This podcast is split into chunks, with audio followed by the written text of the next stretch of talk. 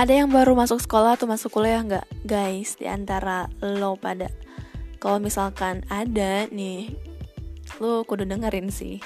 Kecuali lo udah punya pilihan yang negedrek yang yang nggak bisa diubah-ubah lagi. Tapi kalau misalkan lo masih plan plan masih bingung kayak ikut gak ikut gak mungkin hmm, podcast episode ini bisa jadi referensi buat lo.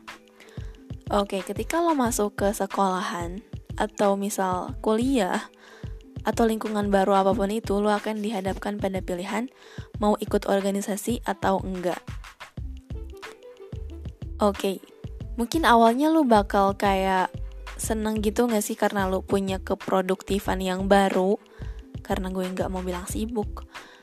Tapi guys, ikutan organisasi itu nggak semudah yang lo kira gitu.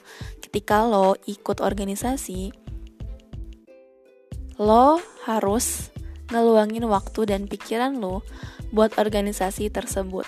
Terlepas organisasi itu strict banget atau atau bebas banget, hal tersebut masih berlaku.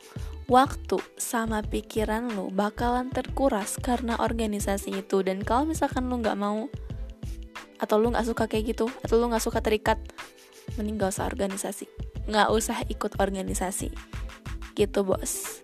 Jangan cuman dan jangan juga lu ikut organisasi karena pengen ke bawah-bawah tenar.